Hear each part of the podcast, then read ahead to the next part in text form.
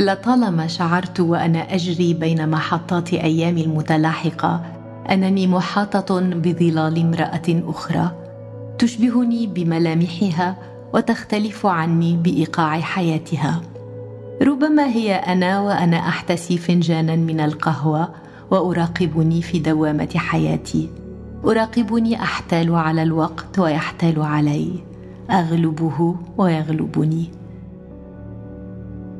لا تنهض من جلستها المريحة إلا لتحسم مشاكسة افكارا سوداء تهاجمني عند إشارة مرور أو لتربت على كتفي حين أستسلم لمشيئة أقدار قاسية. تمد يدها نحو جهاز الهاتف وتشغل أغنية مفضلة فيطرب قلبي وأبتسم من جديد. هي امرأة لا تعرف الجفاف. مخيلتها باتساع السماء قلبها مساحة بيضاء امرأة الألوان الساطعة والقصائد الحالمة امرأة الحب والجمال والذكاء المتقد.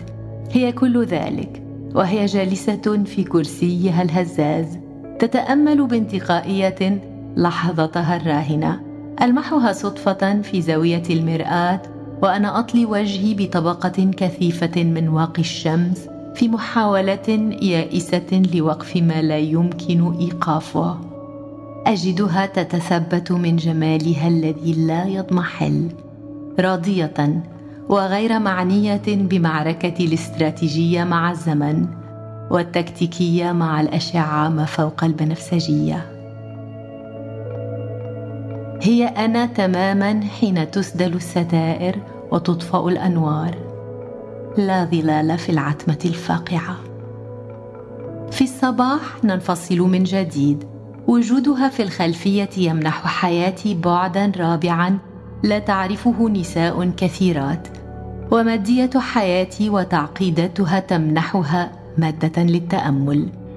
تتعلم من تشوهاتي ويلهمني كمالها الوهمي حتى يستحيل في لحظات الاختناق الوجودي الحقيقة الوحيدة حولي.